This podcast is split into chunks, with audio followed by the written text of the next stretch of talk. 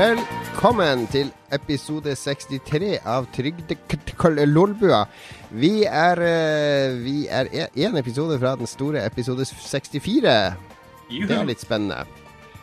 Commodore 64-episoden. Ja, det skal jo bli det. Det er jo det som er planen. Vi skal, eh, vi skal worke. Neste uke så har vi quiz, Magnus. Det vet du kanskje. Og da møter vi vår Commodore 64-ekspert. Og da kan vi antagelig forhåpentligvis bestikke han med et par uh, Om vi ikke får han med i sending neste uke, så får vi i hvert fall et opptak med han fra quizen. Er ikke det en god plan? Det høres ut som en perfekt plan. Da blir det innsidestories fra alt drama fra alle demoscener i Commodore 64 de neste siste 30 årene. Det regner jeg med vil gi et solid boost i lyttertallet. Det er så tabloid som du får det. Akkurat det vi trenger for å nå frem til det der eh, det breie publikum som vi så lenge har eh, sikta oss inn på. Det breie publikummet vi sikter oss inn på. Og for eventuelt nye lyttere, jeg heter Jon Cato, og med min side her så sitter eh, vår glade sørlending. Hallo, hallo. Som heter Magnus Tallaksen. Og ved hans side igjen, et stykke oppover langs kysten, Da må vi forbi Møre og stormene og alt som har ramma oss den siste tida. Der kommer vi til Harstad, og der sitter Rune Fjell-Olsen. Lars Fjell-Olsen. Du, du, har alltid lyst til å være Rune. Du har alltid vært litt misunnelig på han. Uh, ja. Jeg har et uh, elsk-hat-forhold til uh, han Rune. Men, uh, det var et stort ja. øyeblikk for deg på E3 når du fikk ligge i senga hans og se Nintendo-pressekonferansen. ja, det var jo gøy. Det var morsomt. Det var, jeg, jeg la igjen en gave til han i den senga, for å si det sånn. en lekker E3-gave. Eh, vi eh, tre har holdt på med Lolbua nå i eh, snart Er det to år til høsten? Det er ikke dårlig. Ja. ja.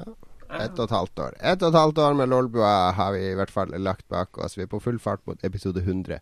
Det er episode 63, og episoden i dag skal handle om Det har vi tre ting vi skal ta for oss. Først skal vi snakke litt om spillnyheter. Hva som har skjedd i spillbransjen siden sist. Vi skal snakke litt om hva vi har sett, gjort, hørt uh, siden sist. Og så skal vi ha et sånn kombinert tema- og lytterspalte der vi skal ta for oss noe svært, svært dramatisk som skjedde forrige uke. Det håper jeg alle fikk med seg.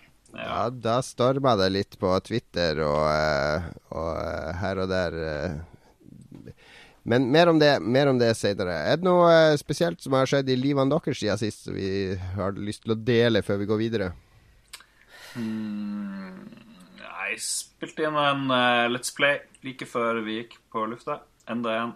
Vi har jo lagt ut en allerede. Vi har, den, har du, den er lagt ut på vår nettside lolbua.no. Det var du, Lars, som snakka for uh, i, i, fjor, uh, starten av høsten, at nå skulle du begynne å lage Let's Play. Og så har du, du har brukt et halvt år på å lage en Let's Play. Det, da, da, da har du høye forventninger. Ja, lagt ut den første. Jeg har fått OK tilbakemelding. Den er litt lang, men den er lang, men god, som det heter. Og så har vi spilt ja, Hva er det du har spilt der? Vi har spilt uh, The Order 1886, men uh, ja, okay, det kan vi, okay. men det kan vi snakke, det kan vi snakke mer, mer om i spillspalten vår, kanskje. Og så har vi laga ny uh, YouTube-kanal òg. Det må vi jo informere folk Ja, nå finner du Lolbua på YouTube. I stedet for, for å være på brukt... din private kanal. Så er ja. vi på Og om det er noen fordel, det aner jeg ikke. Det kan hende at det er en big mistake, for å si det sånn.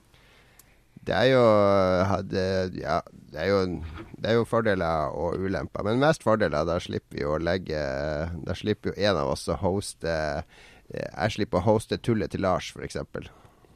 Under mitt navn. ja. Det er jo en gigantisk fordel. Så, så følg Lolbua på YouTube og Twitter og Facebook og alt som er. Da hopper vi rett inn i nyhetsspalten med vår eminente eh, Norges svar på Michael Brown, er det det han heter, han der uh, nyhetsmannen i, i USA som, eh, som har vært i ilden i det siste? Han som ga seg ut for å ha gjort en del bragder han ikke helt Ja, han har blitt skutt ned i Irak og sånn, og så hadde han visst ikke det allikevel. Nå er vel han Bill O'Reilly òg i, i ilden etter å ha skrytt på seg noe, at han har vært i krigssonen i, i under Falklandskrigen, mens han egentlig bare var i Argentina. Riktig. Det, det, går litt sport i det der, tydeligvis. Ja, det er jo det, han, han, kuleste av alle er jo da Heraldo Rivera. Husker du under uh, starten på Afghanistan-krigen? Da lå han og ble snipa på og løp rundt med gunner og trodde han var Ernest Hemingway. Fantastisk. Ja, han, er, han, er, ikke like tøff som oss. Vi var jo alle tre under andre verdenskrig. Eh, da var vi i St. Petersburg og fulgte krigen der.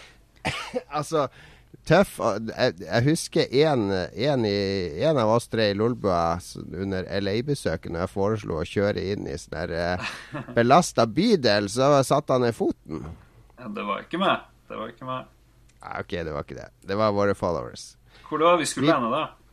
Vi, vi, var jo rett attmed en av de verste slumområdene der visstnok politiet står på highwayen og passer på at, uh, at hvite ikke kjører av der. ja, men du ville jo inn i den død. Du ville jo dø i det her. Jeg vet ikke hva det var. Du hadde en dårlig dag. Du hadde vært for litt for mange dager på E3, så du klarte å ta selvmord. Så det fikk vi unngått. Jeg er klar. Eh, kanskje jeg var påvirka av spill, rett og slett. Jeg hadde sett så mye actionspill og, eh, og gått inn i det der at du tror du er sånn udødelig actionhelt, og så bare oppsøker du fare i virkeligheten. Kanskje, kanskje. Vi er i hvert fall klar for nyheter.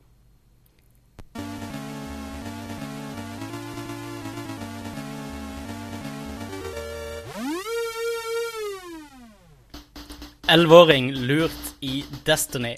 Elleve år gamle Henry Kramer er stor fan av Destiny.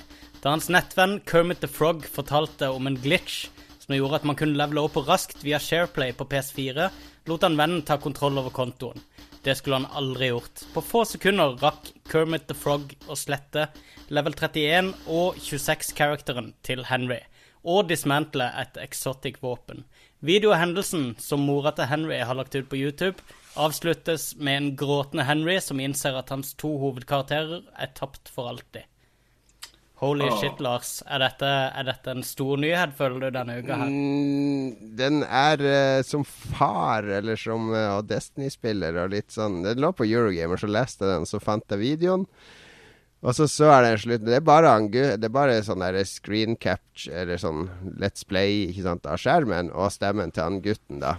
Og så han, bruker han jo SharePlay-funksjonen på PS4 da, til å la der Kermit the Frog få styre. Og så sier han Kermit the Frog at han må gå ut av rommet da, fordi at det er hemmelig det han gjør, og han får ikke lov å vise det til noen. Så han går jo ut da, stakkars gutt, i noen sekunder. Og så når han kommer tilbake, så driver han, da har han sletta to karakterer, så han dismantla et våpen. Det får vi se på skjermen da. Og han bare røsker ut uh, skrur av maskinen med en gang, og så logger på på nytt. Og, og, og inn og ser, og du hører det er sånn der eh, hulking. Når han kommer på den innlag Det er sånn genuin barnegråt. Og som far, det er eh, det er veldig veldig vondt å høre. Jeg kjenner smerten hans skikkelig. Jeg kjenner Jeg kjente jeg, ble, jeg utvikla hat mot han der Kermit the Frog. han har sikkert brukt jeg vet ikke, kanskje en hundre og noen timer par hundre, jeg vet ikke. Gud vet. Ja, han fikk det til jul, da, så han har spilt siden jul. Ja, det er surt. Det er surt. Når du er Men så, De har fulgt opp det her storyen, da, så de, de har kontakta Destiny mange da, når det her lekka, for det er mange hundre tusen som har sett denne videoen. Og, og som har sympati med den stakkars gutten. Men uh, Bungie nekter å gjøre noe med det. da De gir ikke tilbake karakterer som er sletta og sånn. Det står i aulaen deres. Mm. Noe som jo er helt håpløst, fordi hvis du blir hacka f.eks. i World of Warcraft, og de sletter karakteren din og selger unna alt utstyret ditt og sånn, så, så, så, fikser Blizzard det for det. Uh, men Bungie vil ikke gjøre noe, og så er det masse spillere da som har tilbudt seg Han kan få min uh, Vex, og han kan få min jeg, har, jeg har tre av den armoren, han kan få en sånn og sånn. Men jeg tror, jeg, vet, jeg tror ikke Bungie har gjort noe med det heller. Men, uh, men det er jo Det er en fæl historie om, om om hvor eh, hardt og brutalt det kan være på nettet hvis du er litt godtroende. Ja. Han burde jo uh, skjønt at det der var en dum idé, men uh, han stolte jo på den her karen. ikke sant? Ja, han hadde spilt med han før og sånn. Og så, men så historien fortsetter da, fordi han der Kermit the Frog har jo fått mye hatmeldinger og sånn. Og så har Game Informer i USA fått tak i han der Kermit the Frog, da, som de kaller for Allen, så vidt jeg husker.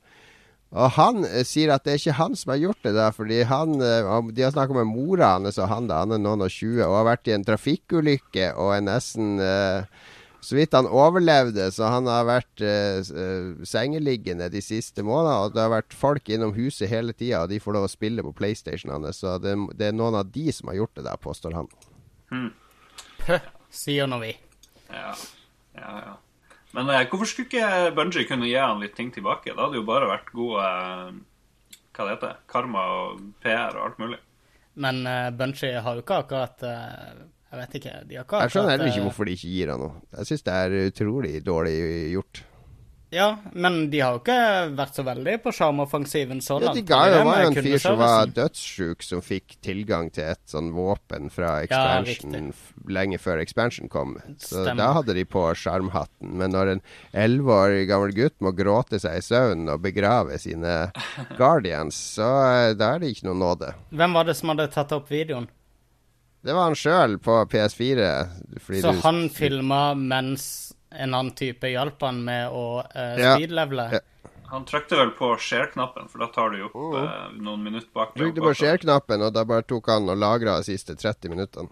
Når det gjelder sånne videoer som det der, så kan jeg ikke noe for det, men jeg er veldig, veldig kynisk. Og jeg mistenker uh, det aller meste for å være close up mot fake. I hvert fall når det er offeret som på forhånd har begynt å filme noe som Nei, skal vise seg å være spektakulært. Hvis, hvis, du hadde spilt PlayStation i det hele tatt, Mr. Xbox, så vet du at den konstant tar opp. Og hvis du da trykker på share, så kan du bare gå tilbake til det du har gjort, og dele. I tilfelle det skjer noe kult, så har du alltid muligheten til å dele det. Jeg satt ti timer med PlayStation min i går mister fordommer. Ja, ja, ja, da burde du kjent til share-funksjonen. Men den tar jo ikke opp uh, så mye av gangen, Jørgen. Som du jo. kan gå tilbake og ta opp? Jo, i hvert fall ti minutter. Team, ja, OK. Hvor lang er den videoen? Den er 17 minutter eller noe sånt, men det er ja, bare de siste fem minuttene som er interessante. Ja, Men jeg ville i hvert fall tenkt at uh, dette er en kid som har tenkt å slutte å spille, som bare har uh, avtalt å lage en video. Elleveåringer er du, du vil høre på den gråtinga, Magnus. Du skal høre på den gråtinga og si at den ikke er genuin. Ja, det, er det, er ikke noe sånn derre sutre filmbelging. Det er sånn der prøve å holde tårene tilbake-gråting, så at du, du, hører han har det skikkelig vondt. Ja. Um, du er som Dr. Mengele, Magnus. ja, uh, jo, men det er internett. Det er internett. Jeg har tjukk hud når det kommer til internett. Rett West. Rapper Kanye West har annonsert at han lager dataspill. Spillet baseres på sangen Only One og forteller historien om mammaen hans. Henne skal du guide til himmelens høyeste port ved å holde henne i hånda. Unnskyld, holde henne nær lyset. Det var idé. Jeg trodde du skulle holde henne i hånda, til og med. Så det var ja, det, har, det har bare vært en IK-rip-off, hadde gamere for lengst erklært. Uh, det er viktig. Kanye West var også ute, leste uh, i samme sak på Kotaku i hvert fall, og fortalte at uh, han hadde designa et spill som elleveåring som aldri ble helt realisert. som han beskrev som akkurat som Super Mario, bare med peniser og vaginaer. Hvem designa ikke sant når de var 12-13-14 år? Ja, men han hadde lagd et ganske omfattende designdokument, så vidt jeg kunne skjønne, eh, om dette her. Der Mario var en fallos. Vi har, en, vi har en god venn av Lolbua, nå skal ikke vi nevne noen navn, men han var med oss til USA. Og han var veldig flink å programmere, han er fortsatt det, da, han jobber jo med det. Men han uh, lagde, han lagde et spill på Commodore 64 som het uh, Fuck the Princess. Og der første nivået var en mann som satt ved en sånn stort hull, da. Og da skulle du uh, onanere hullet fullt av sæd, så at du kunne svømme over. altså Neste brett var sånn plattformbrett med masse flyvende peniser og vagina og alt mulig sånn. Det var mest sannsynlig det spillet Kanye hadde i tankene da. Men uh, som sagt, alle har, laget, alle har drømt om sånne ting når de var unge, tenker jeg da. Ja, og uh, Kanye, som det multigeniet han i hvert fall sjøl sier at han er, han uh, var langt på vei uh, i gang med å realisere det allerede som elleveåring.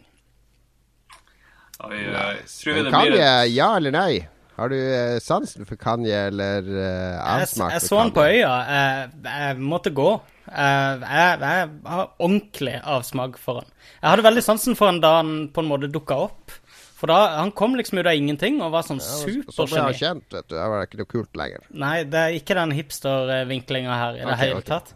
Men eh, herregud, da, med de der uh, Grammy-opptredenene sine med å løpe opp på scenen og Alt det, han, han er jo en grusom mann. Hva skulle man ellers snakka om fra Grammy hvis det ikke Kanye hadde vært der? På Øyafestivalen så sto han på en sånn der uh, lift som løfta han opp over publikum til sånn superpretensiøs musikk. Uh, jeg syns pretens... Ja, jeg syns de platene han lager Han har utrolig mange kule låter som ingen andre lager noe som ligner Syns på. Og det er mange av de som holder seg veldig bra, også fra de gamle skivene. Uh, han har et veldig musikktalent, syns jeg. Jeg syns han er ganske uinteressant musikalsk. Uh, igjen, det høres jo litt hipster ut, men jeg syns ikke det siste han har gjort, er noe interessant i det hele tatt. Jeg har hørt New på alle skivene hans, i hvert fall. Enn du da, Lars? Nei, jeg bryr meg ikke. Jeg har aldri fulgt så mye med på Kanye West. Men jeg er jo ikke noen sånn stor eh, sånn her eh, fancy amerikansk rapp-glam-greier. Ja, Hiphopen har ikke kommet til Harstad ennå. Jeg liker bare i Buya Tribe og sånne ting. Det må være hard gangster-rap. Han er bare wannabe gangster. Gangster of the industry, det er det jeg kaller han. Nu vel, nu. Jeg så den der performancen hans på Saturday Night uh, Live 40-årsshowet. Den syns jeg var flott. Der ligger han under sånn laken og synger på ryggen og sånn der. Uh, jeg syns uh, Vær gæren gjør gærne ting. Det er helt fint så lenge du lager musikk som matcher. Ja, jeg, jeg syns han er too much, too much. Men tror dere han er um, inspirert av Brothers og kanskje Ico og sånne ting, da? Eh, eller jeg trodde du mente Jeg trodde du mente rappduoen fra de, ja, de jobber begge oppi, uh, oppi en bank, tror jeg, oppi Mo i Rana nå. Var det Mo i Rana de var fra? Ja, de er fra Mosjøen eller Mo i Rana eller der omkring. Ja, Brothers. De der med Back in black! Back in black, ja. ja. Her har vi Hva er dette? Tidlig 90-tall? Det er 90-tallet. Det var 90-tallet. Og det kom to uh, to uh, afrikanske Eller to mørkhudede menn fra Mosjøen som prata kav Mosjøen-dialekt og sang ACDC eh, med litt hiphop-elementer. Det var stort da det kom, husker jeg. Det er Norges nærmeste vi kommer til Jackson 5, bare at det var uh, Jackson 2. Ja.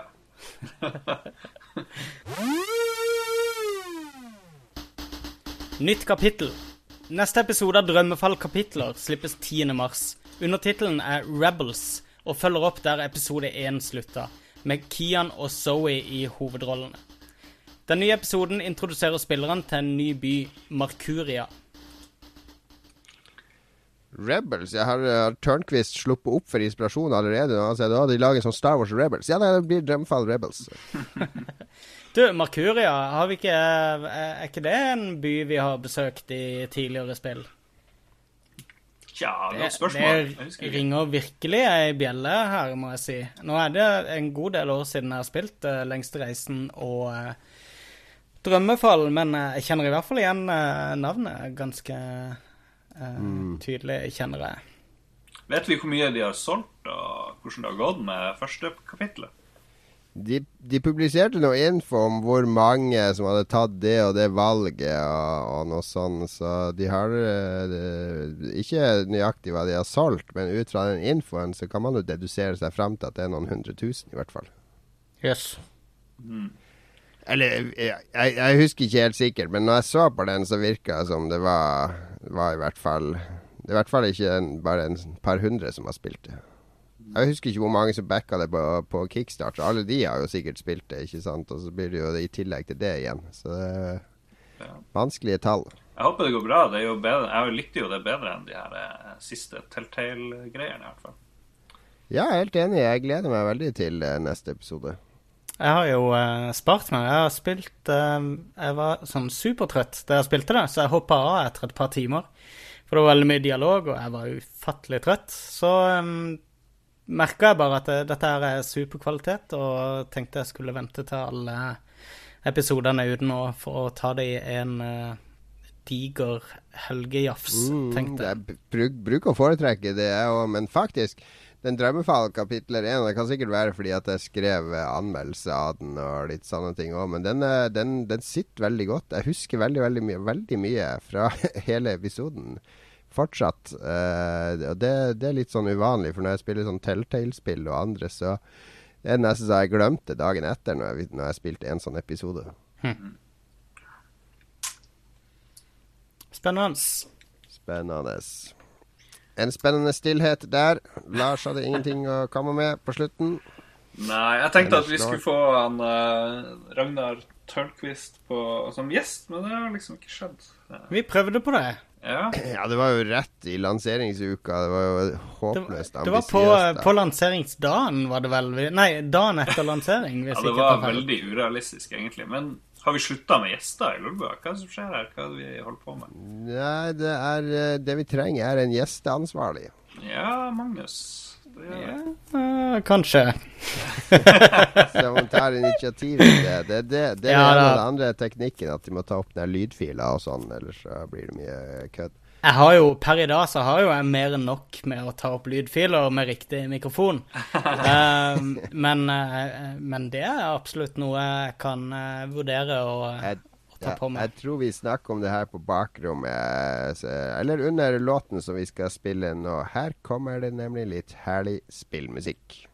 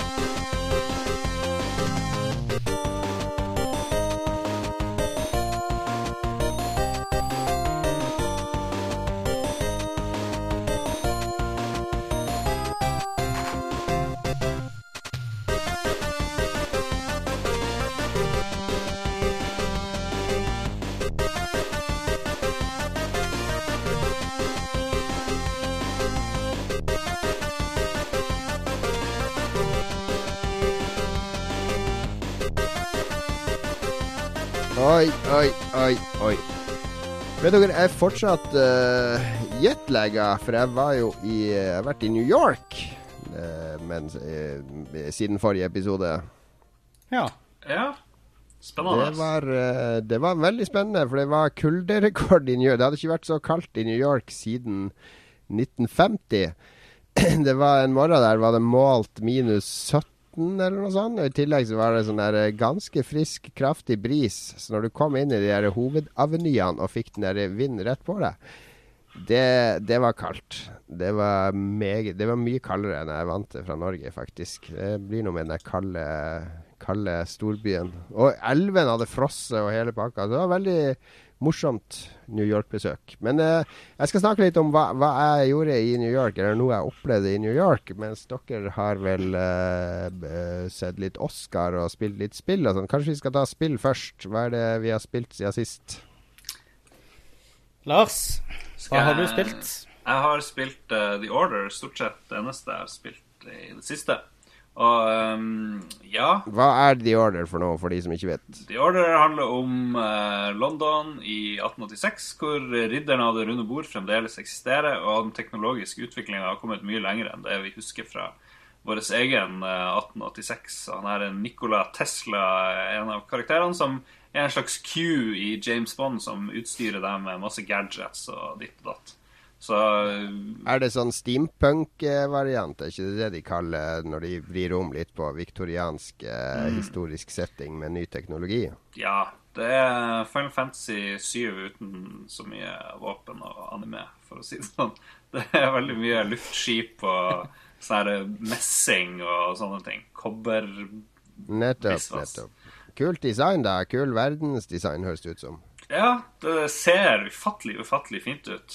Det er, det er så fint, og så når det er så fint og vakkert, så blir man veldig skuffa når man først begynner å spille. I hvert fall gjelder det meg og Mats som har lagd Let's Play og styrt på. Vi kom fort av sporet og begynte å snakke om alle mulige andre ting når vi satt og skulle lage den der Let's Playen. fordi Og så fikk vi aldri med oss hva som skjedde, for det var så utrolig kjedelig. Så av og til så stopper vi opp og prøver å finne ut hva er det vi egentlig vi gjør, og hvor er vi hen, og hvorfor er vi der, og hva heter alle de karene og damene rundt oss, egentlig. Eh, for det, det tar jo 20 minutter før du er i din første skytekamp, eh, f.eks. Det tar veldig lang tid Minst før det skjer. Minst 20 minutter. Jeg hadde nesten sovna før jeg kom dit. når jeg spilte det selv. Det var mer underholdende å se på dere to og spille dere fram dit enn å spille det sjøl, syns jeg. ja, det skjønner jeg godt. Ja, nei, Problemet er kanskje ikke at det tar lang tid før de første kampene, men du får jo knapt lov til å trykke på en knapp før, uh, før den tid. Nettopp. nettopp. Det er jo det som er greia. Du får lov å trykke på trekant av og til. Du får trykke på runding. Kanskje R1. Altså masse på X. Og masse på X når du skal liksom tvinge opp et eller annet. Og det, det er så kjedelig. Og jeg satt og kjeda meg vilt. Men så er det jo gøy å ha en kompis du kan sitte og slenge dritt om spillet med. og sånt. Så blir det gøy likevel eh, hvis man er flere. Sånn er det. Alt blir morsomt hvis man er flere i lag. Men eh, ja Det det, det, liksom, det mangler den gode skytefeelingen som kunne redda det litt. For den er jo sånn Gears of War Uncharted-aktig ja, ja, ja. til, hvor du eh, kommer i sånn korridorer med masse pappesker eller bord i veien, som du kan gjemme deg bak og skyte på karer. Men den der siktekula, jeg vet ikke, kanskje det er noe i options, jeg vet ikke, men den er jo så stor. Så hvis du skal ta et headshot, så er det liksom, den kula er jo større enn hodet på de her karene du skal skyte på. Er ikke så presis sånn løpteknologi i gamle dager, kanskje. Nei, det, det kommer litt an på våpenet du bruker. Ja. ja, det er kanskje det, men jeg syns selv pistolen, eller alle våpnene vi har prøvd hittil, har vært veldig unøyaktige. Og så er det plutselig noen kule våpen. Det er en sånn greie som skyter ut sånn magnesium, og så sender du en flare, og så eksploderer den magnesiumen, så det blir sånn dødskul partikkeleffekt og sånt. Så det er nice. Men er det, er det sånn er det krig? Er det sånn borgerkrig? Eller er det monster? Eller er det aliens? Eller hva er det som skjer? Eh, vi vet jo ikke helt hva som skjer, for vi klarer ikke å følge med på handlinga. Men det dukka opp noen varulver, så vi tror det er litt sånn her Vi venter på uh, vampyrer òg. At det blir litt sånn Twilight. Men uh, jeg vet da faen. Det... Jeg har jo spilt litt lenger på det, så akkurat det kan sikkert jeg svare på. Jeg spilte det alene, så jeg hadde ikke luksusen av å ha et, noen som babla meg i øret mens storyen holdt på, så jeg har, jeg har fått den med meg, da. Eh, de blander sammen eh, egentlig alt som er slutten av 1800-tallet. Eh, som da betyr at de har blanda inn Jack the Ripper inn i miksen, og varulver og den engelske sosieteten osv. osv. Ja. Så det er veldig mye varulver ganske tidlig ut i spillet, så jeg føler ikke jeg spoiler for mye der. Nice. Nei da, nei da.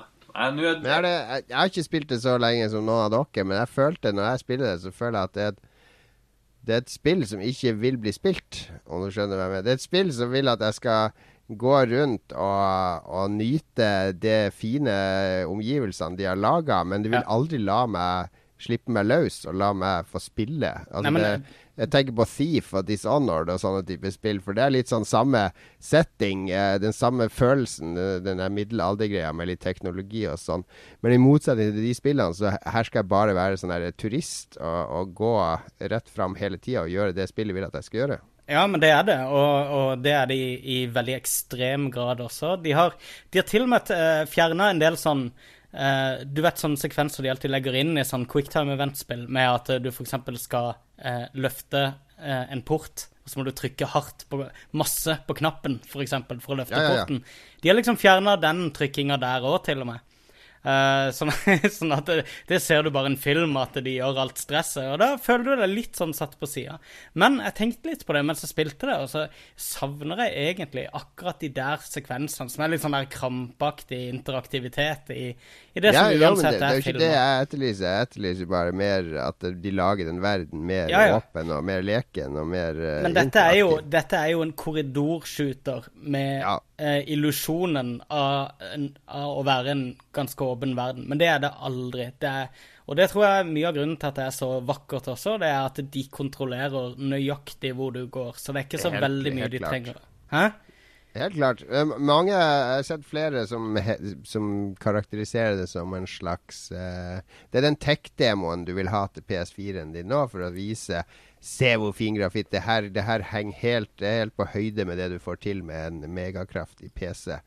Og ikke det supre actionspillet som, som, du kommer til å huske om ti år. Nei, men det er det ikke. Og det uh, Jeg skal bare si at uh, jeg syns det er bedre enn en det der kollektive uh, massehatet som har foregått på internett uh, den siste uka. Ja, men er, du er fortsatt på syv av ti, eller er du over det igjen? Nei, jeg er ikke over en syver. På ingen Nei. måte. Men uh, tingen er at verden og storyen, skuespillet, alt og bare sånn dramaturgien i spillet er dødsbra, syns jeg. Det er dødsbra.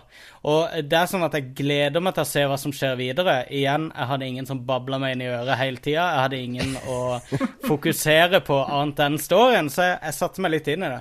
Når det er sagt, så kan jeg si dette spillet er egentlig Det er bare ei lang smørbrødliste over ting jeg hater i spill. Så at jeg skulle like det, det ble jeg ganske overraska over. Men Du skal jo alltid gå litt mot strømmen, selv din egen strøm. Men som skytespill så er det pillråttent det er virkelig dårlig. Det er sånn Uncharted-nivå skyting. Nei, det er, og, eh, Uncharted er jo mye bedre. Ja. Uncharted er grusomt på skytinga. OK, ok, ikke spor av her nå. Men, uh, ja, men siden du, du liker det her spillet, så må jeg jo si hvor mye jeg hater det. For det, det, ja. det er, Jeg har ikke ord. Det er jo Både til å være skytespill og historie og alt mulig Greit nok, jeg har ikke følt så mye med, men det er jo fordi jeg følger jo ikke med fordi det er så gørr. Og så er det så kjedelig og så dårlig. Det er jo så dårlig å liksom tvinge en kar til å gå 20 minutter i en korridor i cutscenes og prate, og så får du skyte i 5-10 minutter, og så må du gå 20 minutter til med sånne jævla cutscenes, og så er det litt skyting, og 20 minutter med bullshit. Og Men hvis du hadde spilt, uh, hvis du hadde spilt uh, The Walking Dead sammen med kompisen din som en Let's Play, Uh, vil du ikke egentlig ha sittet igjen med akkurat den samme oppfattelsen? da? Jeg har aldri gjort det, så jeg vet ikke. Men jeg tviler på Nei. det. I don't know, man. Uh... Men, uh, og det er siste gang jeg sammenligner de spillene, for øvrig.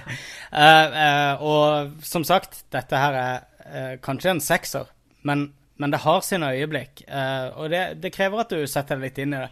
Jeg syns de er flinke til å variere omgivelsene, og de tar deg med gjennom ganske mye forskjellige scenarioer. og og uh, det er mye forandring hele tida. Altså, spillet utvikler seg Eller altså uh, Handlinga utvikler seg hele tida. Men herregud, det er jo Det kunne jo vært et spill, og det er det jo ikke.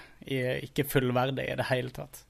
Oi, OK, OK. Jeg, har, jeg, skal ikke skyte inn noe mer, for jeg har jeg sovna når jeg spilte det første gang. Så det var det var et dårlig tegn der da. Men jeg gleder meg til å spille det mer, for det ser veldig lekkert ut.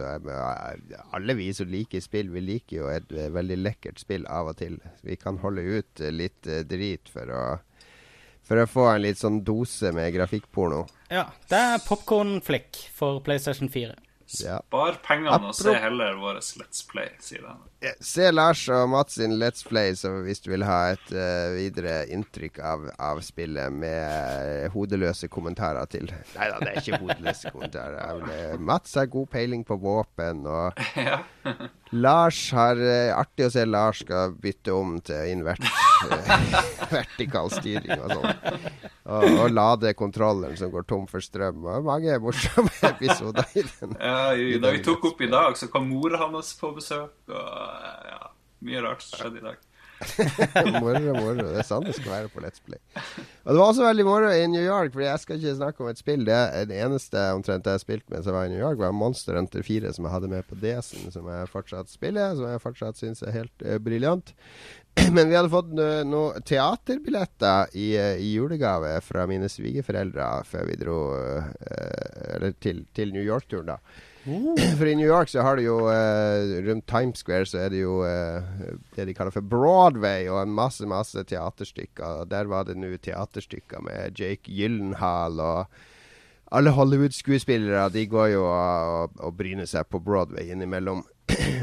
nå var ikke vi på noe med noen store Hollywood-skuespillere, men derimot var det noen veldig store manusforfattere. For vi var på uh, Book of Mormon, som er skrevet av uh, Matt Stone og Trey Parker. Og de kjenner de fleste for å ha uh, Det er de som skapte da South Park. Ja, kult. Og Team America-filmen, og, og, før Team America og før South Park så lagde de en musical som heter Cannibal the Musical. som er veldig lavbudsjett. Uh, B-film, men de er i hvert fall veldig veldig glad i musical-sjangeren. Det har jo alle som har sett South Park-filmen og Team America og andre ting sett. De har jo noen musical-nummer der som er veldig spot on. Og den Book of Mormon er en ren musical om eh, mormonere. Eh, og de mormonerne er jo disse Church of uh, Latter-day Jesus, eller hva det heter. Saints. Ja, de, som, de, holder til i Salt Lake City. Den, den, bevegelsen oppstår, i hvert fall hvis jeg skal tro på det skuespillet her. Når en amerikaner på slutten av 1800-tallet fikk en visjon, og så skrev han en sånn tredje bok som tillegg til det gamle testamentet og nye testamentet, så har du The Book of Mormon, da. Så han gjorde ferdig Bibelen, rett og slett. da. så han var den siste profeten, denne amerikaneren. Og han skriver om eh, sånne, når jødene kom til USA i år null og for 2000 år siden og, og, litt sånne ting. Han hevder jo eh, Hevder ikke mormonere at uh, urmennesket er amerikansk og ja, Ja, ja. Det er USA som er kjernen for, for ja. all sivilisasjon og sånn. eller Amerika, da. Og, og, de, og de, en del av det her, hvis du vokser opp som mormoner, da så en del av den riten med å bli voksen hvis du er gutt, da, er at du må reise ut i verden. Du blir satt sammen med en annen på din alder når du er i slutten av tenåra, og så må dere reise til eh, f.eks. til Norge. Det er mormonere som reiser til Norge, eller Kina eller Japan eller et fremmed land, og så må du misjonere i ett år. Og Misjoneringa deres er å gå rundt på gata eller gå og ringe på hos folk, og så forteller de om eh, mormonerbevegelsen og prøver å rekruttere de. Og de fleste klarer jo ikke å de får, de får, ikke mye napp, for å si det sånn, da. Har, Men det stykket er ja. Eh, jeg har en kompis som har lagd dokumentar hvor de fulgte to mormonere i Oslo. Uh, på uh, to amerikanske mormonere. Og Du kjenner det igjen i disse svarte dressene med navneskilt. Ja, de går alltid i svart, svart dress og, og, hvit skjorte og svart og, slips. Og, og navneskilt har de gjerne. Og, men de, de fulgte de rundt. De Elder Brian og, og, Elder Williams og sånne ting. Ja, riktig. Men de, de fulgte de rundt i Oslo i, i noen uker, da. Og um, da var det sånn at uh, hvis de uh, fikk uh, napp hos noen da, og avtalte å møte de seinere, en slags date, ja, ja. og de ikke dukka opp, og det skjedde tydeligvis ganske ofte, da, det kalte de å gå på en kebab. For det at Er det én ting amerikanske mormonere som for det er alltid sånn at de som kommer hjem fra USA, de mm. forteller, de driver alltid og coacher de som skal reise til Norge igjen. Nei, de som kommer fra, eh, fra Norge. Så coacher de de nye misjonærene som skal reise, og da er det én ting som går igjen, og det er 'smak den norske kebaben'. Han er helt vilt god. Og da har de dette her med å gå på en kebab når en date ikke funker, og det vil da si at de, de går og kjøper en trøstekebab. Uh, ja, det er smart, det er smart. Ja, veldig morsomt. Men, men, du skulle tro at et sånt teaterstykke, en musical om mormonere som er ute og misjonerer, ikke, ikke skulle bli veldig morsomt, men så har jo Matt Stone og Trey Parker har jo denne magiske evnen til å, til å, å, å se skjevt på alt. Så det var, det var, hysterisk morsomt. Masse sanger, og det er kuk- og fittehumor og helvete og musical act med Satan og Hitler og alle de Masse ting som vi kjenner igjen fra, fra uh, South Park og sånn, som jeg kunne se på scenen med proft ensemble. og utrolig, utrolig morsomt uh, å gå på sånn ordentlig Broadway-teater. Så det, mm, det var et av de absolutte høydepunktene i New York der. Det var veldig sånn trangt teater, og uh, kona mi løp bort for å kjøpe seg vin og sånn, og det fikk hun i sånn der plastkopp med lokk, sånn som du får Sånn som barn får på tivoli og sånn. Og, det var uh, hui og hast inn og hui og hast ut igjen. Alt går, skal ha så jævla travelt, alle i New York hele tida. Men det teaterstykket det var superproft og supermorsomt. Jeg tror det har gått sånn fem år eller noe sånt på Broadway allerede. Så hvis noen skal til New York, uh, anbefaler absolutt å sjekke ut Book of Mormon hvis du er glad i South Park og, uh, og den humoren til de folka der. Men bestill billetter i god tid i forveien. Jeg tror det er utsolgt konstant én til to måneder fram. Ja, jeg anbefaler alle å dra på Broadway uansett hva det er, nesten, så lenge du tror det kan være bra. For det er kjempegøy. Det er jo så sykt proft. Eh, jeg var på noe helt annet med han der eh, broren til han Frazier Crane, han eh, der Niles. Jeg husker ja, ikke hva han heter på ordentlig. Men det var kjempegøy. Det var sånn metastykke om livet bak scenene på Broadway. Litt sånn som den der Birdman-filmen som vant masse Oscar-statuetter. Ja, ja, ja. Riktig. Eh, jeg kan legge på en uh, liten plugg med noe som har skjedd uh, denne uka også. En, uh, en buttplug? Skal vi si en kompis av Lolbua, i hvert fall to av oss, uh, Gøran, som også skriver i ny og ne for Pressfire, yeah.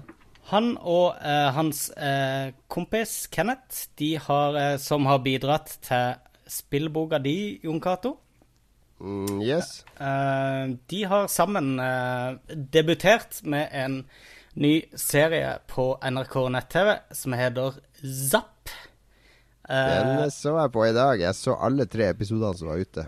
Jeg, jeg, satt og så på det på skolen, og jeg måtte Det er sånn korte sånn seks-syv minutters episoder. Yes, riktig. Og ideen er jo at de har gått i NRK-arkivet og funnet frem til helt sånn absurde sekvenser som har eksistert i, opp gjennom tidene. Uh, og de går litt etter dette shred-prinsippet, hvor de kødder med lyden og setter på kleine bakgrunner osv. osv. Uh, litt sånn Everything Is Terrible, litt shreds, og uh, veldig, veldig, veldig morsomt. Um, jeg er en sucker for den type underholdning, og jeg ble sittende og hikste da jeg satt og så på det på skolen. De har lagt ut tre episoder på NRK nett-TV allerede. Det anbefaler jeg folk å gå og sjekke ut. Zapp heter det med Z. Zappolini. Har du spilt noe ellers, uh, Magnus? Uh, no. Jeg er tilbake i uh, Diablo Hell. Spiller du med de Rad Crew-folkene, eller? Jeg driver og uh, manner meg opp. Uh, ganske bokstavelig talt. ja, fordi en, er, våre venner i Rad Crew, vi, vi er jo uh, affiliert med Rad Crew som mange vet. Og våre venner i Radcrew de er virkelig på Diablo-kjøret, har jeg sett. For de driver og streamer Diablo stort sett døgnet rundt. Eh, langt opp i level 60-70, eller hvor de er. Riktig. Og jeg sto opp eh, klokka halv ni i går og fikk ei tekstmelding om at eh, det blir eh, Forelesninga er avlyst, så det blir ingenting skole på deg i dag. Så i stedet for å være i stedet for å være den fornuftige studenten som likevel drar på skolen, og i tillegg kanskje drar og trener, så eh, bestemte meg for at eh, i dag er den store bokserdagen. Da jeg eh, aldri tar på meg noe annet enn bokser, og jeg spiller PlayStation til fingrene blør. Um, det jeg gjorde da, da starta jeg For jeg har jo Diablo 3 på PC og på Xbox 360 og på Xbox One og på PlayStation 4. Um, fan, fan, med andre ord? Ja, no, liksom, jeg, jeg, fikk dette fra, fra, Blizzard. Det er på PS4. Um, så jeg har liksom aldri kommet i gang med den versjonen, og det er jo det våre venner i Rad Crew spiller på. Så uh, målet er nå å ta um, brødrene Rad igjen, og, uh, og det innebærer en del powerleveling av min Demon Hunter i Diablo 3. Uh, så det har jeg gjort. Jeg har vridd opp vanskelighetsgraden, og, eh, og spiller virkelig, virkelig hardt. I går kom jeg til level 35 på noen timer. Utrolig gøy, det spillet der. Og eh, Lars, eh, hvis du noensinne har tenkt å gå eh, cold turkey på Destiny, så vil jeg anbefale eh, Diablo som en slags sånn metadon for, eh, for i avvenningsperioden. Du var jo veldig glad i Diablo eh, en gang i tida, husker jeg, på mm. lansering, så Nå er vi jo i så fall tre stykker som kan spille det jevnlig, og da er det jo støtte for fire. Så uh, come ja. to the dark side. Ja. Det, det har blitt lite Destiny i det siste, så jeg skal vurdere. Jeg har nå en eller annen karakter ganske høyt oppe. Så. Vi får se. Ja, jeg fikk jo uh, min venn Mats til å hjelpe meg til å levele opp på alle mulige triks og måter, så det, da gikk det òg fort. Det som er så kult med Diablo, er at uh, til og med nå som sikkert er fjerde eller femte gjennomspillinga jeg har, så slår det meg bare hvor ufattelig balansert det er, og, og veldesigna det. Og den der følelsen du hele tida har med at du bare skal gjøre litt her og du, du, føler alltid at du har tallerkenen full av oppgaver, og samtidig så, så, er det ikke for mye til at du liksom mister oversikten og blir lei, som i f.eks. Dragon Age. Um, et ekstremt uh, balansert spill, og uansett hvilke skills du velger å legge inn som de seks uh, skillsene du til enhver tid bruker, så føler du at du er overpowered, egentlig, og uh, ja. det er jeg virkelig digger det spillet. Jeg er veldig enig med den sekseren du ga det i sin tid, Jon Cato, i Aftenposten. Takk for det. Takk for det. Det var, det var nå én gang. 哈哈哈哈哈哈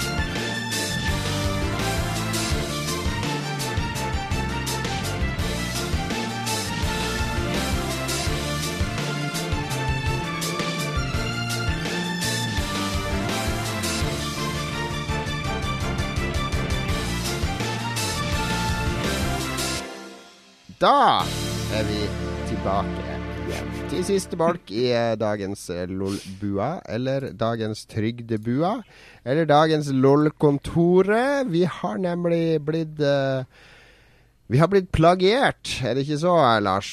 Vi har det, uh, til våre store skrekk og gru, eller uh, forlystelse og glede. Så hadde plutselig Trygdekontoret i forrige episode en ja, altså det er NRK-programmet Trygdekontoret må du forklare. Ja, men Folk vet jo hva Trygdekontoret er. Men uansett. For det heter jo Nav i dag. Det heter ikke Trygdekontoret lenger. Jon Ja, det er riktig. Ja. Så der hadde de en post som het Lolbua. De hadde til og med eh, sånn her rorbueopplegg rorbua-opplegg og litt sånn her eh, latter og skrål og akkurat sånn. De hadde en våres. asiater som ja. sa Lolbua i rorbua, og det er jo vår vits. Ja. Ja, så vi lurte jo veldig på hva vi skulle gjøre med det her, så vi har f.eks. spurt i dag våre eh, venner på nettet og dere som hører på, hvordan vi skal reagere på det her. da. Så må vi jo diskutere og komme frem til. Ja, Vi kan jo eh, diskutere oss litt imellom først. For jeg var i New York eh, når det her skjedde. Og så hadde jeg telefonen på flight-modus når jeg sov, da, fornuftig nok pga. tidsforskjell. Og så når jeg skrur av den, så ser jeg bare masse sånn Twitter-meldinger på Facebook og i chatten om uh, 'Trygdekontoret, trygdekontoret, trygdekontoret', lolbua og sånn. Så så lurte jeg på om de hadde hatt noe sånn uh, tema med at de skulle drite ut sånne dårlige norske podkaster. sånn. Jeg tenkte det var det mest sannsynlige. Er det noe sånn der uh, norsk narsissisme? Hvorfor skal vi alle realisere oss sjøl? Eller midtlivskrise? Jeg tror det var, jeg, tenkte at nå hadde vi blitt drete ut av, av uh, denne samfunnskritikeren Thomas Seltzer. Og så viste det seg at de hadde bare De har laga en spalte med sam... De har tatt navnet vårt, da. Som vi har hatt i halvannet år. Ja, men dere er jo venner på Twitter og sånt. Er dere ikke det? Kanskje han har fått med seg det her sånn litt underbevisst? Hvis om ikke Jeg tror ikke vi er venner, men, uh, men Jo, han følger meg vel på Twitter, har jeg sett. Jeg, tror det. jeg har møtt Thomas Elcher en gang, og det var på, på dass på, uh, på ny, Hva heter det? Nylon, var det det det het? Det som var under Bohemen. Et sånt utsted i Oslo der Asbjørn Slettmark brukte å spille plate oppe ved scenen. Og så var det sånn lite sånn privat bord eh, attmed DJ-en, der ikke jeg brukte å sitte, men der eh, sånn turbonegerfolk og sånn brukte å sitte. Og når jeg var på dass der en gang, så møtte jeg Thomas Seltzer. For da, da sto jeg i pissoaret, og så kom han ut av uh, den, den, der båsen bak, da, og så unnskyldte han seg med at han hadde brukt den i stedet for pissoaret, men han ville ikke intimidere meg med hans enorme penis. det var det han sa da. Så det var mitt ene møte med Thomas Seltzer. Ellers har ikke jeg møtt han. Mm. Han... Så han er ikke noen venn eller bekjent eller noen sånne ting. Men han følger meg på, på Twitter, og da har han jo fått med seg Lolbua-poster, så det kan være han plukka det opp der. To minutter før du møtte han der, så lå han jo på gulvet og snorta kokain. han, har, han har en fortid, uh, fortid, med det, ja. Det har han vært kommet clean om. Ja, Nei, det skal vi ikke holde mot han. Men eh, ja, Magnus ble jo i harnisk. Eh, den av oss tre, tror jeg, som reagerte sterkest på at vår enormt sterke merkevare, eh, som har kanskje flere hundre lyttere i uka Nei, vi har litt mer enn det. Men at det var trua. Og står vi i fare for her for en hostile takeover? Kommer folk til å tenke Trygdekontoret når de hører Lolbua fremover?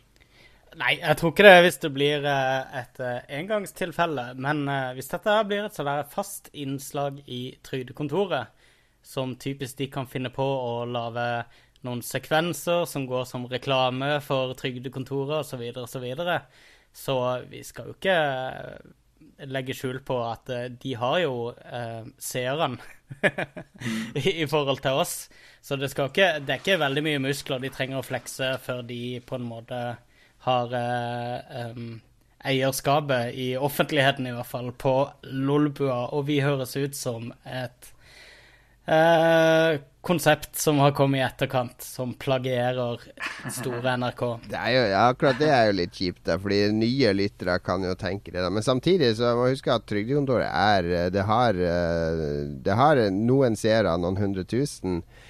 Men det er jo et program med veldig Altså Halvparten av de sitter jo i Oslo på Grünerløkka og nipper til IPA-en sin og, og eh, baske seg i sin uh, Ja, vi snakker jo litt ja, sånn uh, Det er jo mange, det er jo mange av årets lyttere som også ser Trygdekontoret, tydeligvis. Det er det nok, men jeg tror vi har flere lyttere som ikke ser Trygdekontoret, enn som ser det, mm. hvis jeg skal være helt ærlig. Så at du må ikke gjøre det Det er ikke som om Skavlan skulle ha laga en spalte som heter Lolbua. nei, nei, på, på, ingen måte, men jeg syns det er greit at vi er litt på vakt, og at vi sier ifra om at uh, her har vi vært ganske lenge, og uh, kult hvis vi kan fortsette å være det.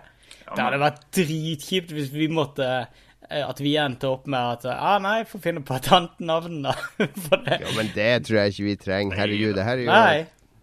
Nei da, det går helt fint. Det går helt fint. Vi har jo uansett varsla at vi skal gå LA Law on that ass, jeg tror de eh, Og eh, Thomas Seltzer har jo favorittmarkert om det betyr ja, hva er det for noe? Du har ikke retweet i det. Favorittmarkering, det er den der, den der ja. lille klappen på hodet. Ja, det kjenner jeg. Nei, men Det er for de som ikke helt vet hvordan de bruker uh, Twitter, og tror at du skal like ting på Twitter. ja. Jo, det er et stjernedrit med litt bullshit. Men uh, jeg har fått ta kontakt med en advokat. da. Han heter Saul Goodman, og han tror jeg er veldig flink. Så han på en sånn TV-reklame, så han skal vi få satt på saken. Better call Saul. Veldig, veldig bra. Nei, men De kommer nok til å fortsette med Lolbua ut sesongen. For de har alltid sånne her, uh, vitsespalter i hver sesong som byttes ut. Det er bare Trygdebeistet som har gått igjen i alle, tror jeg. De hadde jo for eksempel den derre han der internettkrigeren, han som satt i rullestol og skrev med en sånn pinne i munnen og, ja, og sånne riktig. ting. Så alle de Det er bare sånn sesongbetonte. Så de får nå vi får, vi, får, vi får, heller føle oss beæra over at uh, de følger oss på Twitter og har uh, tatt navnet vårt. Og ja, de traff jo veldig bra, for han introduserte jo denne spalten av Per Inge med at uh, Lolbua var stedet for sånn avdanka, gråhåra gamle menn. Så jeg tenkte OK, jeg var, det var ikke bare tar de navnet, men der kom ballesparket òg. Kanskje, vi kan, uh, kanskje vi kan finne litt uh, soundbites derfra vi kan bruke i vår egen sending? Nå er det fritt vilt. Vi kan stjele alt vi vil fra trygdekontoret nå fremover. ja, og bråke, de kan så... se langt etter den lisensen. Den, eh, den river jeg opp og kaster i søpla i dette sekund. Ja. Men uh, burde vi ikke på et eller annet punkt få en uh, liten uh, shout-out fra uh, Trygdekontoret? Bare sånn Bare en liten bemerkning om at ja, ja, vi vet at dere fins, men vi kan dele navnet. Det er jo det de er favorittstjernene. Ja, ja. ja det føler jeg ikke. Men vi har jo også bedt lytterne våre å se Ja, la lytterne slippe til, Lars. Ja, vi har bedt om råd for hvordan vi skal takle det opplegget her. Uh, og hvis jeg nå bare kikker på det som kom på Facebook, så er det ganske gode forslag her. Uh, Terje Nilsen Madsen mener at vi skal sende Gøsta, uh, vår sjef um, i Red Crew. Vi skal sende hans kontakter i den svenske underverden på dem. Og det, det har jeg litt tro på, for jeg tipper den svenske underverden er litt tøffere enn den norske underverden. Tror du de har radvokater som de kan Basert sende etter det? Basert på Snabba Kash og andre filmer jeg har sett fra Sverige, så ja. jeg tror det. Ja. Så I Norge har du sånn tomme tønner og sånne komigangstere, mens i Sverige så er de mye mer hardcore. Mm. Og Danmark har jo Pusher. Hva slags hardcore gangsterfilm har vi nå? Er Isat, liksom? Er det det hardeste vi har å by på? Nei, jeg tror vi har sånn her Lars Vaular og Wannabe Gangsters, muligens. Jeg føler at det er litt der det ligger, altså. Um, han Geir Botnen Eid mener vi bør kreve millioner i erstatning. Det, ja, det er godt råd. Det hadde kanskje funka i USA, jeg vet ikke helt. Jeg vet ikke helt hva vi skal ha erstatning for. Nei. uh, ja, det var de millionene i et eller annet av de inntektene som vi uh, Men uh, jeg er med på tanken. Med på tanken. Det er den som ja, Jeg er litt imot det, fordi NRK betales av meg og deg og Lars og skattebetalerne. Så det, det å kreve millioner av meg sjøl er jo helt meningsløst. ja. ja, det er det, den må du spare på. Han eh, Pablo A. Villegas B mener at vi skal saksøke og kreve nok penger til at vi får råd og kan svildre inn våre egne erotiske introfilm. Helst med en fra Lolbua som innehaver i den ene hovedrollen, hvis ikke begge. Hmm. What? Kjempeidé, syns jeg. ja, det er som klipper disse lydfilene hver gang, så jeg er opptatt med det. Så det må bli de to andre som tar seg av det. Jeg er jo blitt videoansvarlig, så jeg må dessverre filme når dere to eh, Du er den eneste som har vært på. med på pornoinnspilling før, Lars, så du, du, har erfaringer. Ja, det les uh, Magnus har sett Fuck for Forest på scenen, så han uh, også litt Det er erfaring. sant. Ja. Vi, jeg, kan, uh, jeg kan konsultere tenker jeg vi kan si. ok, så vi må altså le inn folk for å lage den pornofilmen. Tusen takk for rådet, Pablo. Han, eh, Mikael Kristoffer Hansen eh, sier at han eh, så tilfeldigvis på trygdekontoret, og så fikk han øye på at de hadde et segment i episoden som het Lolbua, skriver han. Takk for det, observasjonen. Det hadde vi ikke fått med oss, Mikael. Uh, og hvis vi går over på Twitter, så har vi fått gode råd der også. Eh, Anders Lønning sier at det eneste rådet han kan gi oss, er komplett tilintetgjørelse. Det er jo, det er jo dramatisk. Det er jo det. Han har sånn Witcher-bilde, da, så jeg tenker han er ganske mørk, han der Andy Lund. Liker litt mørk fantasy. Ja, ja. Jo, nei, vi skal ta det opp til uh, vurdering. Uh, komplett tilintetgjørelse. Hmm. Det kan vi gjøre. Vi kan vurdere, ta det opp ja. til vurdering, i hvert fall, syns jeg. Ja. Det, det unner vi våre lyttere. Vi må tolke det først. Han eh, eller hun, Neatly Headless Mulm Tror det er ei dame, kanskje. Det, eh, det, er en dame. Hun jobber i uh, hun, hun, er grafisk grafiker. Er ikke det, Magnus? Mm, jeg vet ikke helt. Jeg kjenner hun ikke igjen Hun jobber i Red Fred med Drømmefall. Ah, riktig, riktig. Ja. Hun mener i hvert fall at vi skal selge Lolbua Twitter-kontoen for en mengde dineros og leve komfortabelt. Smilefjes. Ja, da begynner vi å snakke her. Ja. Da, vi kan begynne Har vi ikke den, den gamle um, YouTube-kontoen vår? Kan vi selge den til de? den gamle YouTube-kontoen er min, så den skal ikke selges. Kan vi ikke selge den, Jon? Kom igjen. Ta en for time. Hvor mye, penger, hvor, mye penger, hvor mye penger er det snakk om før vi har sagt OK, da, vi trenger ikke den? Du vet jo åssen det er med NRK. De kaster rundt seg med milliarder når det kommer til Det gjør de ikke, men nå tenker jeg sånn rent teoretisk Hvis noen kom og sa at de ville kjøpe Lolbua-twitteren vår, hadde vi Vi har jo en grense. Ja, ja. De hadde jo begynt på sånn 3000, kanskje, hadde de sagt. Ja. Du får en tusenlapp hver. Det, det må jo være nok. en tusenlapp hver, så får du den. Det er ikke i nærheten av å vurdere dette, den prisen der. ja. okay, nei, men La oss si det sånn. Vi, vi skal ha eh, ti uh, kroner per follower, da. Hvor mange followers har vi? 366 followers nå, så vi skal ha 3660 koste nå. Så det lønner seg å kjøpe den nå før vi får flere followers. Nå går vi på billigsalg, men det er greit. ja, det er for billig, Jon. Det er for billig. Uh, kanskje, kanskje. Tom Ødegaard sier at vi skal lage hevnporno med trygdebeiste.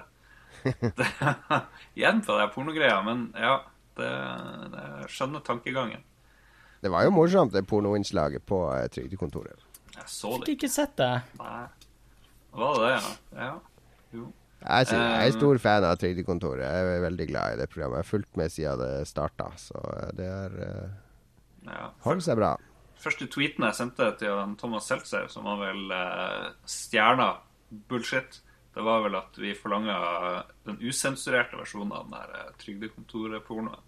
eh, det, det kan vi solgt videre, eh, faktisk. Tjent litt der. All right. Yes, det var det vi fikk av forslag. Tusen takk for det. Men så har vi har fått et par andre vanlige spørsmål òg, har vi ikke det? Jeg har i hvert fall fått ett, som jeg ser. Han, uh, Jan Christian Hegel han har nettopp kjøpt seg Vita. Og han lurer på om det er noe spill vi anbefaler stort. Ja, de tradisjonelle Spelunky og Hotline Miami, så har du mm, plenty av underholdning der og der. Og så kan du hive deg på JRPG-bølgen med Danganronpa og personer og sånne ting. Ja. Personer, ja. Rogue Legacy er eh, bra der. Grim ja, Fandango egner seg veldig bra på, eh, på um, Vita, syns jeg personlig. Og, og det er wrestling uh, Castlevania-spillet ditt, Magnus, det vel også på Vita? Uh, ja, riktig. Um, Guacamele. Guacamele. Ja. Det vil jeg tro er dritkult på Vita, ja. Men, men, altså ja. Bare fortsett. Hotline Miami er dritfett på Vita. Det er det perfekte trikke-T-banebuss-spillet. For det du har eh, Du lever jo i snitt i to sekunder. Så um, Jeg har, jeg har mista et overraskende antall med, med stopp pga. spillet likevel. Men, men, altså, det er, jo, det er jo definisjonen av et mobilspill. I hvert fall når du er ute, ute på korte reiser eller venter på bussen, så har du jo bite size gaming mm. i et nøtteskall i det spillet. Og det er jo så fett. Jeg har lasta ned Sykoden-spillene og er nesten ferdig med en. Jeg driver og følger ja. en fuck fordi jeg tenkte jeg skulle fokusere på Sykoden 2, egentlig. Men det er veldig bra. Det er kjempekoselig. Mm. JRPG, du skal drive og samle folk ja, det er, og det.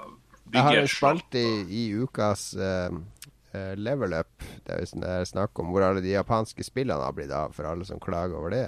Mm. Og det er jo på Vita og 3DS, uh, eh, så, så det, er, det er plenty å velge der. Ja, ja. Er det. Jeg vet ikke, har vi har også en som heter Militanten, Lars, som egentlig tvitra til meg. Ja. Hva er Og så dro han inn dere etter hvert. jeg ser ikke. Jeg logger ut av sendeskjermen. Ja, okay, ja, fordi han, han lurte på om jeg, om jeg, ville stille opp i Borat-drakt på neste spillmesse og være uh, booth-babe ved siden av booth-damene som er der. Og så uh, gjør jeg som jeg pleier å gjøre, jeg skylder på regjeringa, aka kona mi, og sier at jeg får ikke lov. Uh, og, og, da svarte han så synd, kanskje noen av de andre fra Lolbua har lyst. ja, ja, ja. Ja. ja. jeg har jo egen Borat-drakt jeg pleier å bruke på den type arrangementer, så null problem for min del. Ja. Den er du veldig Magnus fin i. kan jo røpe Magnus er jo eh, Jeg husker da Borat var så populært, og alle for rundt og sa Is that nice? det er uh, du ser, De som ser videoen, de ser Magnus sitte og gremme seg. Fordi han, uh, Magnus er veldig glad i sånn memes og sånn, egentlig. Helt til de blir sånn at det står om de i VG og sånn, og, og Dagbladet, og det blir sånn gigastort. Og da, da blir det bare flaut og pinlig. Jeg er ikke helt med på at jeg syns det er gøy med mem frem til de dukker opp i VG. Memes er bra helt til de tar av. Mem holder i ei uke cirka før de er døde mener jeg. Idet noen har lagd ei T-skjorte med det, så er de døde. Jeg har forresten fått hint og tips fra han Sten Tony Hansen at GTA 5 har blitt utsatt til 14. april på PC. Og jeg får besøk av Mats. Ser dere han bak meg? There is a troll. Han skal, han skal gjøre reklame for uh, seg sjøl. Nå ødelegger du hele podkasten her. Ser dere han blærer Slutt å prate om ting som lytterne ikke kan se. Ja, men det, det, det her reklame for uh, livesendinga vår. Den må se på Lolplay. ja. Vi får avslutte med det. Se på Lolplay. Vi konkluderer med at vi gjør ingenting med Trygdekontoret i denne omgang, men vi kommer til å nistirre i rulleteksten i programmet for å se etter en shout-out til den opprinnelige Lolbua. Lolblå. Uh, kan vi håpe på at det der kommer til å Twitch-streame uh, disse Let's Play-greiene også, eller er det kun på, uh, på YouTube inntil videre? Skal vi Twitch-streame spillingen vår så? Neste gang. Det er jo ikke noen grunn til å ikke gjøre det. Ja, vi det er jo innlysende ja. å gjøre det. Vi har ikke kommet så langt. Vi skal, vi skal, vi skal gjøre det. Vi har så høye production values, ikke sant? så det går ikke på Twitch. Men vi skal gjøre det. Men før vi slutter helt av Jeg kom jo på, jeg hadde jo lyst til å nevne at eh, jeg hadde sett eh, Oscar live eh, natt til, til over klokka seks på natta. Det var noen av dere som gjorde det. Nei. Nei. ikke sjokkerende, for det var ikke verdt det. Men eh, jeg og han eh, duden som nettopp stakk innom her, vi hadde satt penger på vi har jo begynt å gamble, så vi satte jo penger på eh, Superbowl. Vant jo stort der, mer enn dobla innsatsen. Og nå så satte vi det, noe av det vi hadde vunnet, på eh, ulike rare kategorier. Sånn som eh, Hva var den første takketalen? Hva, hva, ville den takke? Ville det være Gud, eller ville det være ditt og datt? Og så kunne man vedde på hvilke filmer som vant mest Oscar og sånne ting. Så da ble det nesten ingenting, fordi ved en feil så vedda jeg på at Birdman kom til å få flest Oscar, og den hadde sånn 1,1 et eller annet i odds. Så det ble sånn her 10 kroner eller et eller annet på den en fantastisk innsats. Men det er et hett tips. Sett penger på alt du skal se på TV. Blir mye, mye morsommere. Altså De safeste betene med Oscar-utdelinga, det er ikke det filma enten med sånne funksjonshemma, mm. Alzheimer eh, ja. Du har en Hawking, og så har du Hvis det også er afrikanske slaver, sånn der uh, USAs slavehistorie, det er også bankers. Ja. Er det ikke Bowfinger? Du har også eh, filmer som lanseres eh, rundt en måned før Oscar-utdelinga. Det er jo også en, en grei giveaway på hva de sikter seg inn på. Jeg husker i, Bowfinger, det er en film med Steve Martin og Eddie Murphy. Der Eddie Murphy er sånn der uh, skuespiller da som, som, som, som, drømmer om å bli stor og få Oscar og sånn, som er sånn halvstor, og han bare I need, I need an Academy Award. I had to play a retard or a slave. Give me a role as a retarded slave. han, uh, han Christoph Waltz han spilte jo i uh, Jungle Unchained, og der var han jo ikke slave. så da burde jo egentlig han Jamie Fox ha fått den Oscar. Og der er jo han Leonardo DiCaprio som jeg syns heller burde fått den Oscar. Men han spilte jo faktisk òg Eller han spilte retard i den her eh, Eller tilbakestående i What's Eating Gilbert Grape. Og der vant han heller ikke Oscar, så du slår ikke bestandig inn det der å være slave eller være tilbakestående. Jeg leste en spådom om at Leonardo DiCaprio Han har aldri fått Oscar og kommer mm. aldri til å få det. Men ja. han som kommer til å spille Leonardo DiCaprio i filmen om Leonardo DiCaprios liv. Han kommer til å få Oscar. Uh, det, var, det, er en bra spådom. Jeg, jeg syns ikke Leonardo DiCaprio er en sånn Oscar-skuespiller nødvendigvis. Men Christoph Waltz Jeg mener bare for uh, uh, Herregud, hva heter han? Um, uh, Tarantino-filmen han spilte i uh, Nei, før. Inglorious Bastards. Unglorious Bastards, ja. Inglorious Bastards, er det uh, Den rollen han har der, burde han få sånn fem Oscar for. ja, Uh, og det er sånn Hall of Fame-rolle. Uh, jeg, jeg, digger han kun pga. den filmen. Og han spilte dødsbra i Jungo Unchained også, men han burde fått den allerede der. Jeg har så noen av de her, eller Som oppvarming så så vi noen av de her Oscar-nominerte filmene. Så jeg har sett Birdman, og den er helt OK. Det er ikke den helt beste. Okay. Ja, den er helt OK. Eh, og så så vi Whiplash, som var min eh, Oscar-favoritt, som handler om en sånn ung eh, trommis. Eh, han som spiller læreren hans, han vant eh, beste eh, supporting actor-greier. Han er en sånn skalla fyr, jeg husker ikke. Det er jo han White Power, eller han Arian Brotherhood-lederen i Oz, fengselsserien, som vi har ah. snakka litt om før. Ja, okay, han kommer alltid til å være Arian Brotherhood-lederen fra oss. Ja, Men se, se Whiplash. Den er kongebra. Han er også redaktøren til Spiderman i Spiderman-filmen. Ja, uff. Uh, og så uh, J. Jonah Jameson, takk. Han heter Han har et navn. Ja, og i dag så så vi Citizen 4, som jeg lurer på om den ligger på noen sånne uh, gratis-greier. det er jo en film om han Snowden. lovlig gratisfilmgreier med det. Eh, Snowden-dokumentar. Kjempe, kjempeinteressant. Får du fære bak scenen når han driver og er nervøs i Hongkong og sånt. Og lurer på hva som uh, skjer videre. Eh, har du sett en Boyhood, som alle mener burde, vinne, burde ha vunnet beste film? Dessverre, dessverre ikke. Eh, skulle gjerne sett den. Ja, men du har sett en Boys in the Hood. Den forgjengeren. Ja, Hvis du bare setter den to-tre ganger, så, så, teller det i stedet. Det er det samme. Nei, vi, la oss avslutte det, det Oscar-prat. Uh, Oi. Du datt uh, folk inn og ut her. Hva skjedde Was nå? up? Where are you guys? Cato datt ut. Magnus datt ut. Magnus kom på igjen. Hallo, Magnus. til alle våre seere i, som fort faller fra her, virker det som. Det blir en liten pause. Ja, hallo, hører du meg? Ja. Men vi er egentlig nesten ferdig, så resten av uh, sendinga kommer til å være mest bullshit, egentlig. Lars er Mats! i podkast-himmelen. Jeg føler jeg trenger en co-host her. Mats! Var det Lars som hosta det, kanskje? Uh, ja, det er jo Google som hoster det, så det, det tror ikke de skal ha noe co-host. Hva er det du sier? Å, der gikk Pålen Der forsvant den, og der kommer den tilbake. Her må du klippe litt, Jon. Hello. Ja, ja da, det ordner jeg. Var det jeg eller dere som datt ut? Eller hva? Det, er, det er han bak deg, han Mats. Ja. Han står der og napper kabelen, ser jeg. Det er fordi dere er to i bildet.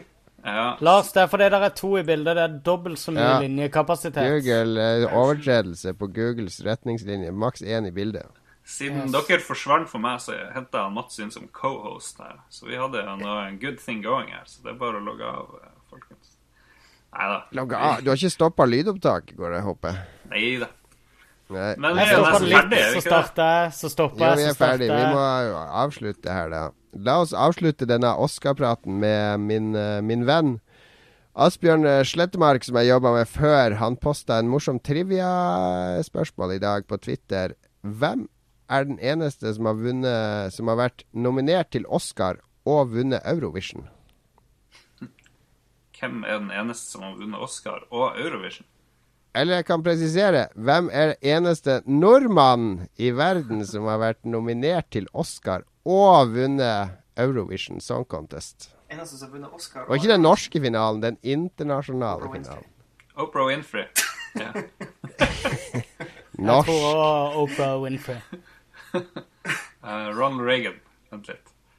Ifølge den godeste Slettemark så er det Petter Skavlan. Han er manusforfatter på Kon-Tiki, og han skrev også den vakre 'Nocturne', som Norge vant med på starten av 90-tallet. Du store. Blir aldri lei av Grand Prix-historie. Både Oscar-nominert og Eurovision-vinner. Jeg føler det er litt sånn to sider Eller to litt sånn motpoler, er det ikke det, rent sånn kred-messig?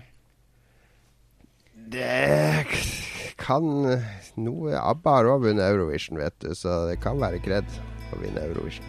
Ja, men det er vel ikke det de liksom får kred for? At uh, ABBA ga ut uh, en million uh, superalbum, uh, pluss at Men på toppen av kransekaka så finner du jo Grand Prix-seieren de sin. Sånn er det jo ikke. Mulig mulig. Vi er ferdige for i dag. Oscar og Trygdekontoret og teater og The Order. Og diverse nyheter er gjennomgått. Uh, neste episode blir Commodore 64 spesial. Uh, dere får i lekse til neste gang, uh, alle begge to. Og Mats. Lag et eller annet til neste episode. Et eller annet Commodore 64-relatert skal produseres til neste episode. Er det klart? Ja. Mm. ja. Ja, For din del så blir det vel bare en splash, men det, det er du flink til. Vi må finne frem Det, det kan jeg prøve meg på. Vi er i hvert fall tilbake om en uke. Følg oss på lolbua.no, det er nettsida vår. Lolbua på Facebook, Lolbua på Twitter. Vi har en egen YouTube nå som heter oh, you guessed it, Lolbua. Eh, vi, har, eh, vi er på Twitch òg. Vi har Lolbua på Twitch òg, men er, vi har ikke streama så mye ennå. Vi er på Google Pluss. Vi er på eh, LO. Vi er på Vi er på GroupMe. GroupMe. YouPorn. Vi har det, egen det, kanal på YouPorn. Vi er i hvert fall tilbake om en uke. Tusen takk til alle som sendte inn lytterspørsmål. Tusen takk til alle som hører på, og til de stakkars som holder ut med å se på oss i stedet for å høre på. Takk til dere òg. Om ikke Trygdekontoret har skjøtta oss ned, så er vi tilbake igjen om en uke. Vi snakkes. Ha det bra. Ha det bra. Ha det.